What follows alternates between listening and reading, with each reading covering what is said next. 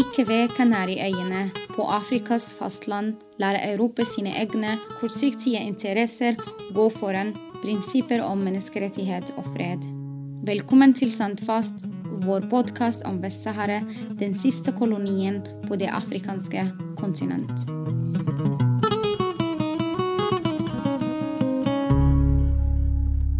I fire år har jeg bodd på Skøyen i Oslo. Bare to små kilometer unna bor dagens gjest Hege Jacobsen. Dette er ikke første gang vi befinner oss på samme sted. Hege har nemlig bodd og jobbet i de saharawiske flyktningleirene hvor jeg er født og vokst opp.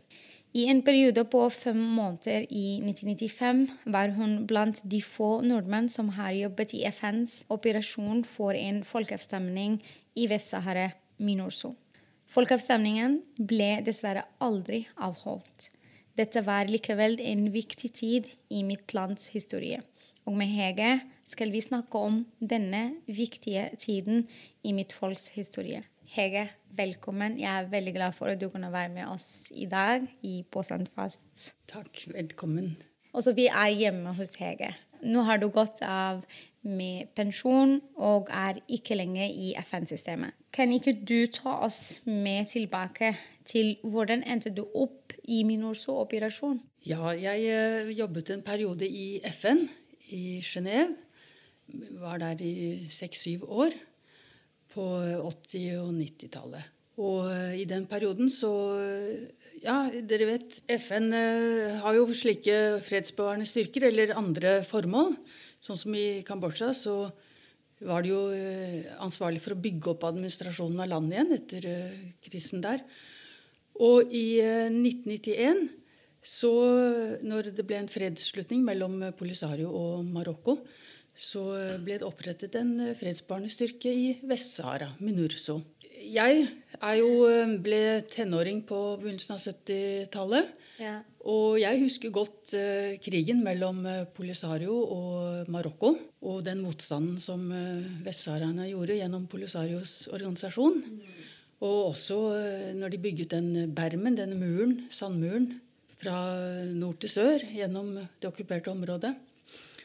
Det var jo i, i nyhetsbildet på slutten av 70-tallet, så det husker jeg godt. Så jeg kjente til Vest-Sahara allerede. Så var det jo stille en god stund inntil denne fredsavtalen kom. Og da opprettet de Minurso for å bevare freden til å begynne med. Og så ble det jo forhandlingene om hva som skulle skje med området. De resulterte i at det skulle holdes en folkeavstemning. Og det var formålet med denne mission, Minurso, når jeg kom inn i bildet. For da jobbet jeg som sagt i FN, og de utlyste internt. Alle som hadde en bestemt funksjon eller var arabisktalende, de var ønsket å melde seg til en, et opphold i Vest-Sahara. Vi kommer til arbeidet som Minurso har gjort i Vest-Sahara. Men også Norge og leirene, altså det er to forskjellige verden.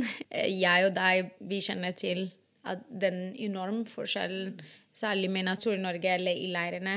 Jeg vil bare sånn stille spørsmål. Husker du den første sånn dag du ankom til Leion? Altså du var både i de okkuperte territoriene og i leirene. Ja.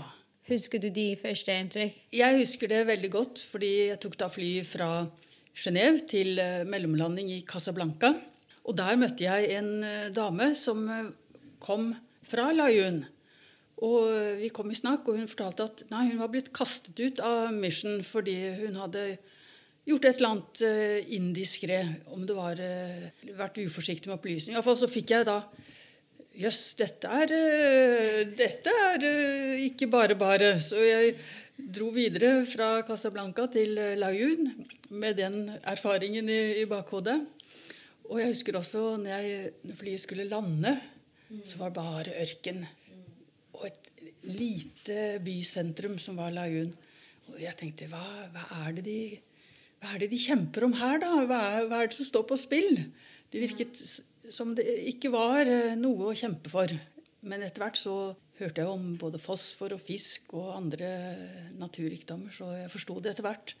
Men den følelsen av eh, å komme til et ukjent område, eh, helt fremmed Du visste ikke hvilke konflikter som rørte seg. Det var litt skremmende på det planet. Fordi du var, også, kan du bare forklare hvor du var? Altså, du har jobbet med Minurso. Ja. Så har jeg bilde for meg hvor det ser ganske sånn mye action på det kontoret her med dine kolleger. Ja. Um, så du var Hvor var du nøyaktig? Ja, jeg jobbet jo i uh, dataavdelingen, EDP Office. Og den ble bygget ut uh, Jeg var en av de første som kom. Uh, men vi ble vel en ti-tolv stykker som skulle bistå i prosessen. Så vi hadde en viktig rolle. Og vi var stasjonert på en skole i sentrum av Laun. Ja. Og til å begynne med så skulle vi forberede det som var hovedformålet med Mission. Og det var å organisere denne folkeavstemningen og etablere hvem som hadde lov til å, å stemme. Og hvordan gikk dere derfra? Altså fra planlegging til prosesset? Ja, fordi eh, til å begynne med så måtte man lage en plan, for det var ingen enkel uh, sak. Uh, det skulle være intervjuer av samtlige som var bosatt i Vest-Sahara, både i de okkuperte områdene og i flyktningleirene, for å avgjøre om de var innfødte i området. Og vi lagde planer for hvordan denne, dette skulle foregå. Og det var da fire lokasjoner på okkupert territorium og fire i flyktningleirene. Det var jo fire store flyktningleirer. Og da skulle det trommes sammen, slik at folk skulle komme på en bestemt dag. Det skulle sitte en jury med jurist, en kommisjon, som skulle ta stilling til hva de sa. Og så skulle det være en sjeik, en anerkjent eldre person fra den stammegruppen som man intervjuet den dagen, godkjent av Polisario, og en som var godkjent av Marokko. Og du, altså, hva var kategoriene? Fordi du sa man må sjekke at de er saharawis. Var det basert på hva? Ja. Altså de kategoriene? Ja. Man kunne ikke bare stole på hva folk sa. Så utgangspunktet var den folketellingen som spanjolen hadde gjort i 1974. Og da var det vel et 70-talls personer, 70, 70 000 personer, som var i en manntallsliste. Og de som sto der, de ble akseptert. De var, de var tilhørte området. For det var jo før konflikten startet. Så de som kunne bevise og dokumentere at de stammet fra en av de personene som var på den listen, eller selv sto på listen, de ble akseptert. De skulle være med på listen. Det går bra. Altså, vi er hjemme hos Hege, og vi har faktisk to gjester. Altså, det er Hege, og så har vi her en katt. Han heter Puss. Og han Jeg tror vi må bare få han her i lyd, Marie. Vi må bare si det. Han vil være midtpunkt i selskapet. Ja, i selskapet. Mm. Ja. Så ja, vi tar opp tråden igjen. Så i hvert fall så de som kunne vise at, de, Ja. at disse sjeikene nikket at ja, det er eh, barnebarnet til den og den eh, som står i den listen. Da var det helt greit. Og så var det tvilstilfeller. At en husket kanskje litt dårlig, men ved å diskutere og spørre spørsmål til den personen som sto der og skulle intervjues, så kom de kanskje frem til enighet om at eh, jo, han må høre til her. Men så var det en stor gruppe folk hvor de ikke ble enige i det hele tatt. Og vi vet jo at eh, Marokko eh, sendte ganske mye folk til eh, de okkuperte områdene av økonomiske grunner, og nettopp for å, at det ble en mer balanse, eller en uegnet balanse av vestsaharaer og marokkanere. ikke sant? Ja. Og så at prosessen måtte være at, som du sier, det må sitte to personer, og de skal være enige at den personen kommer fra den stammer, og det betyr at han er fra Vest-Sahara. Altså, dette må ha tatt så mye tid og så mye eh, ressurser. Hva, hva var utfordringen? Det var jo det rent logistikk-sidene ved det. Flyene måtte være ledige. Sjeikene måtte være tilgjengelige og hentes og plukkes opp og fraktes. Men så var det jo veldig mye politisering av prosessen også. Det var stadig vekk så kom det unnskyldninger eh, fra den ene eller andre siden, og særlig fra marokkanerne. En var blitt syk eller brukket ben, og noen ganger stemte det sikkert, men veldig ofte så var det trenering av prosessen. Og da måtte jo hele kabalen legges eh, opp igjen, fordi noen av disse personene skulle jo være med hele tiden. Så, så det var veldig komplisert, eh, og veldig mye tautrekking om disse gruppene som eh, ikke var helt klinkende klare tilhørte Vest-Sahara. Altså, deg som er ansatt i FN eller Minurso, som en person som kanskje du sa at kanskje Saharawis må vinne, på en måte. Hvordan forholder man det til at du også må vise at du er nøytral Ja. i den jobben? Det, det var det. Vi måtte det, så vi kunne, ikke, vi kunne ikke gjøre hva vi ville. Vi måtte være litt uh, upartiske. Så det var den ene siden av saken. Og så var det jo det at vi følte at marokkansk militær militære politi og myndigheter de fulgte jo med hva vi drev med. Så vi kunne gå fritt rundt i Layun og andre steder, men gikk vi en uvant vei eller tok en annen retning som vi ikke egentlig hadde noe spesielt formål med å gå, så ble vi ofte stoppet. Så det var en sånn atmosfære av kontroll også.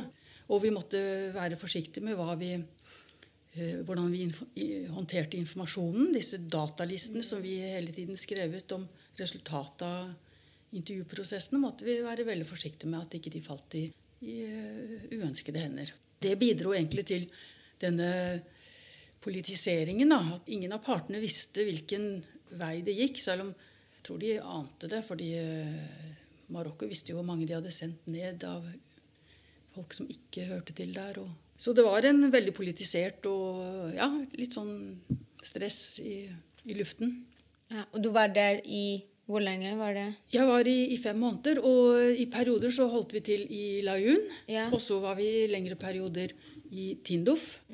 Og da bodde vi på en uh, algirsk militærleir. Ja. Men disse stedene hvor de hadde intervjuprosessene, det var ute i, i wilayene, i flyktningleirene. Så vi dro ut der for å installere nye versjoner av softwaren og, og støtte, løse tekniske problemer og, og bistå. Så vi var eh, hyppig ute i leirene. Hva var din inntrykk av, altså, i leirene? Det er mange år siden. Men ja, fordi det, kanskje det bare det er annerledes mellom leirene og de okkuperte territoriet. Men eh, hvordan var det også Ja. å være i leirene? Ja, og hvordan var håp til folk? Ja.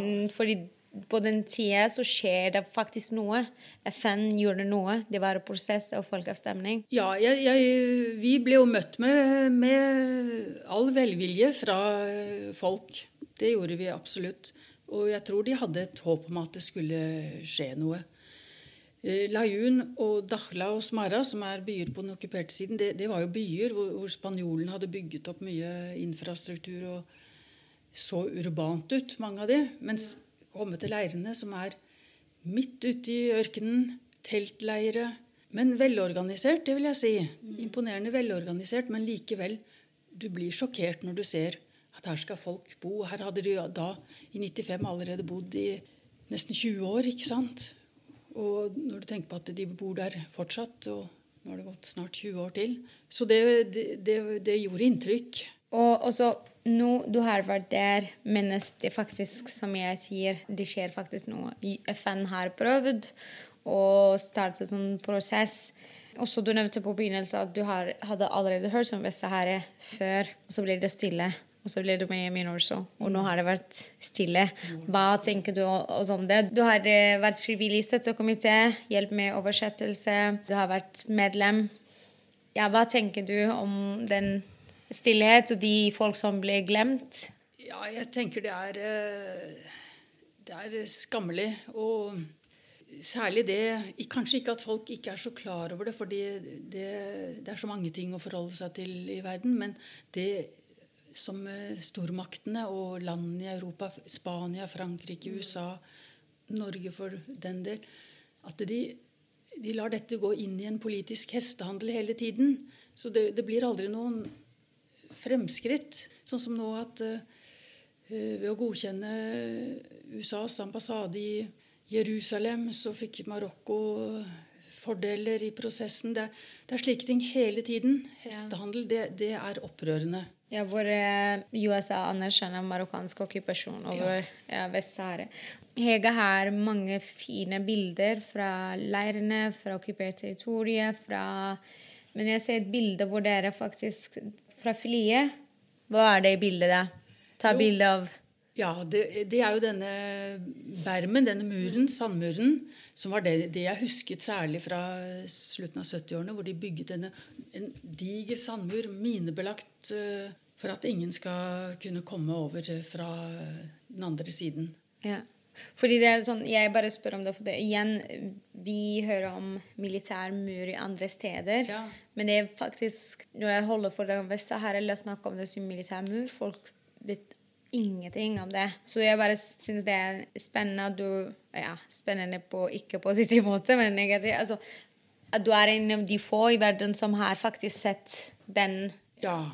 Så den ligger der som en diger kjempesandvoll. eh, Og vi vet den er minebelagt og skummel å nærme seg.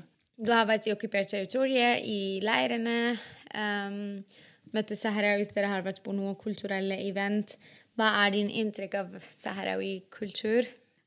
Mitt inntrykk er at det var et, et stolt folk med en eh, fortid da, som eh, med husdyr og eh, en, en rik eh, sånn muntlig tradisjon og sangtradisjon. Jeg husker særlig godt den lyden de lager når de feirer bryllup og slike ting.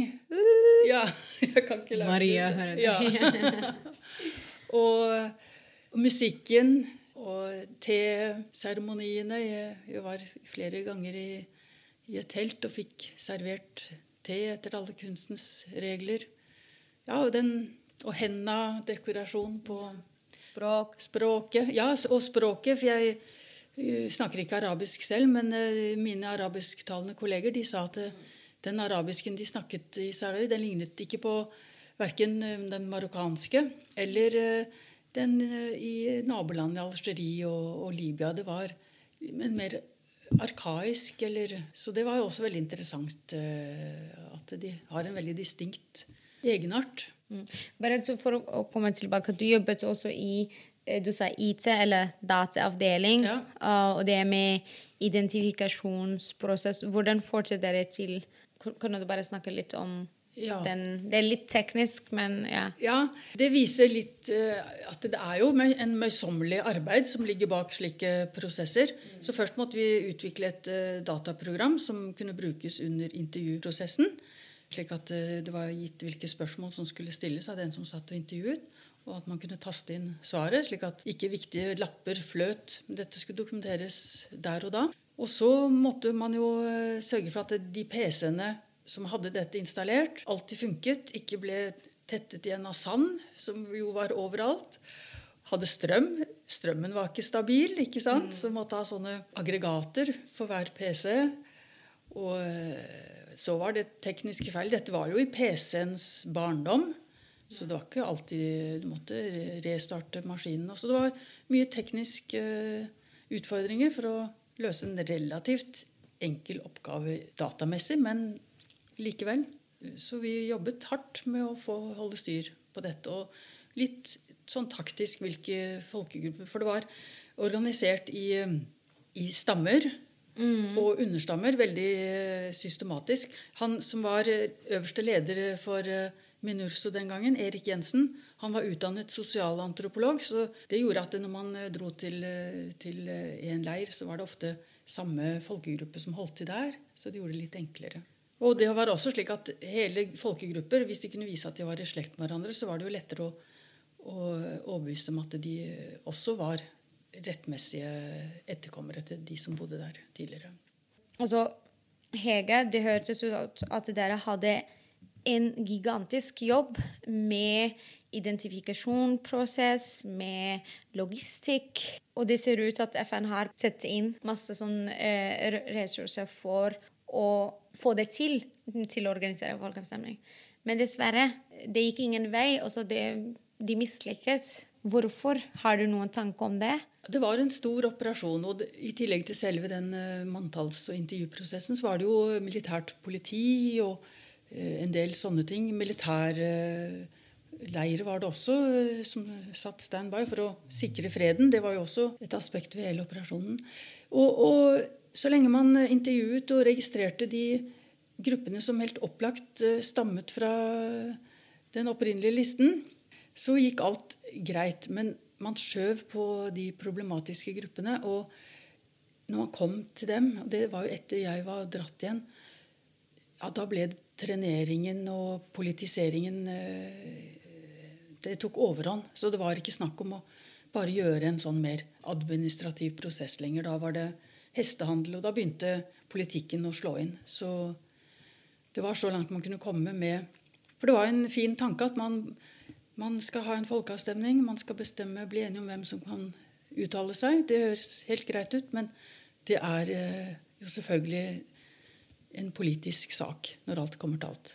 Altså, for eksempel, jeg husker jeg har en gang sett i en film hvor folk som har enten jobbet med Mission, altså med Minurso, forteller om alle triks som Marokko har gjort, bl.a. som du nevnte før, at de har fraktet andre folk fra Marokko, og så ble de presentert de som saharauis. Mm. Har du hørt noen av det mens dere var der, eller? Ja, for det, det, som var eh, det kontroversielle, og det som skapte problemet, var jo at det, det var kommet veldig mange folk til området som ikke var vestsahare. Og hvis de skulle være med å delta i folkeavstemningen, så ville jo eh, man risikere at marokkanere avgjorde hva fremtiden skulle være. Og det var en bevisst strategi fra Marokkos side å sende folk ned til området. Mm. Og de hadde jo også en del økonomisk virksomhet. ikke sant? Som de, de hadde folk som eh, drev med fiske etter hvert. Og, og, og desto, derfor var også den treneringen interessant, for desto lenger tid det gikk, desto flere kunne etablere seg av folk som hadde vært der en stund, men som var marokkanere. Senere år så er vel denne manntallsprosessen død og begravet, tror jeg. Ja. Hva, dette blir spekulasjon og sånne spørsmål, men hva tenker du FN kunne ha gjort bedre? Det springende punktet er jo at Marokko hevder at de hadde historisk rett til området. Så man måtte vel hatt en kommisjon som kunne granske det. Hvis, hvis, man skal holde seg til det mer objektive, liksom anta at alt er objektivt, og det gjelder bare å finne sannheten, så var det kanskje det man kunne gjort. da, Å etablere de historiske linjene. Istedenfor å la det bli en politisk hestehandel, for det var jo det som skjedde. Så man kunne unnlatt å la dette bli styrt av stormakter og andre aktører. Men det er det ikke sånn med alle konflikter. Det det er ikke bare å finne en pragmatisk, teknisk løsning. Det er interesser, motsetninger. Mm. Eh, vi kommer til slutt til denne episode. Tusen takk for at du har vært med oss. Gleden er på min side. Det var en veldig lærerik og interessant periode av livet mitt. Hvis du vil lære mer om konflikten, gå til vest-sahare.no.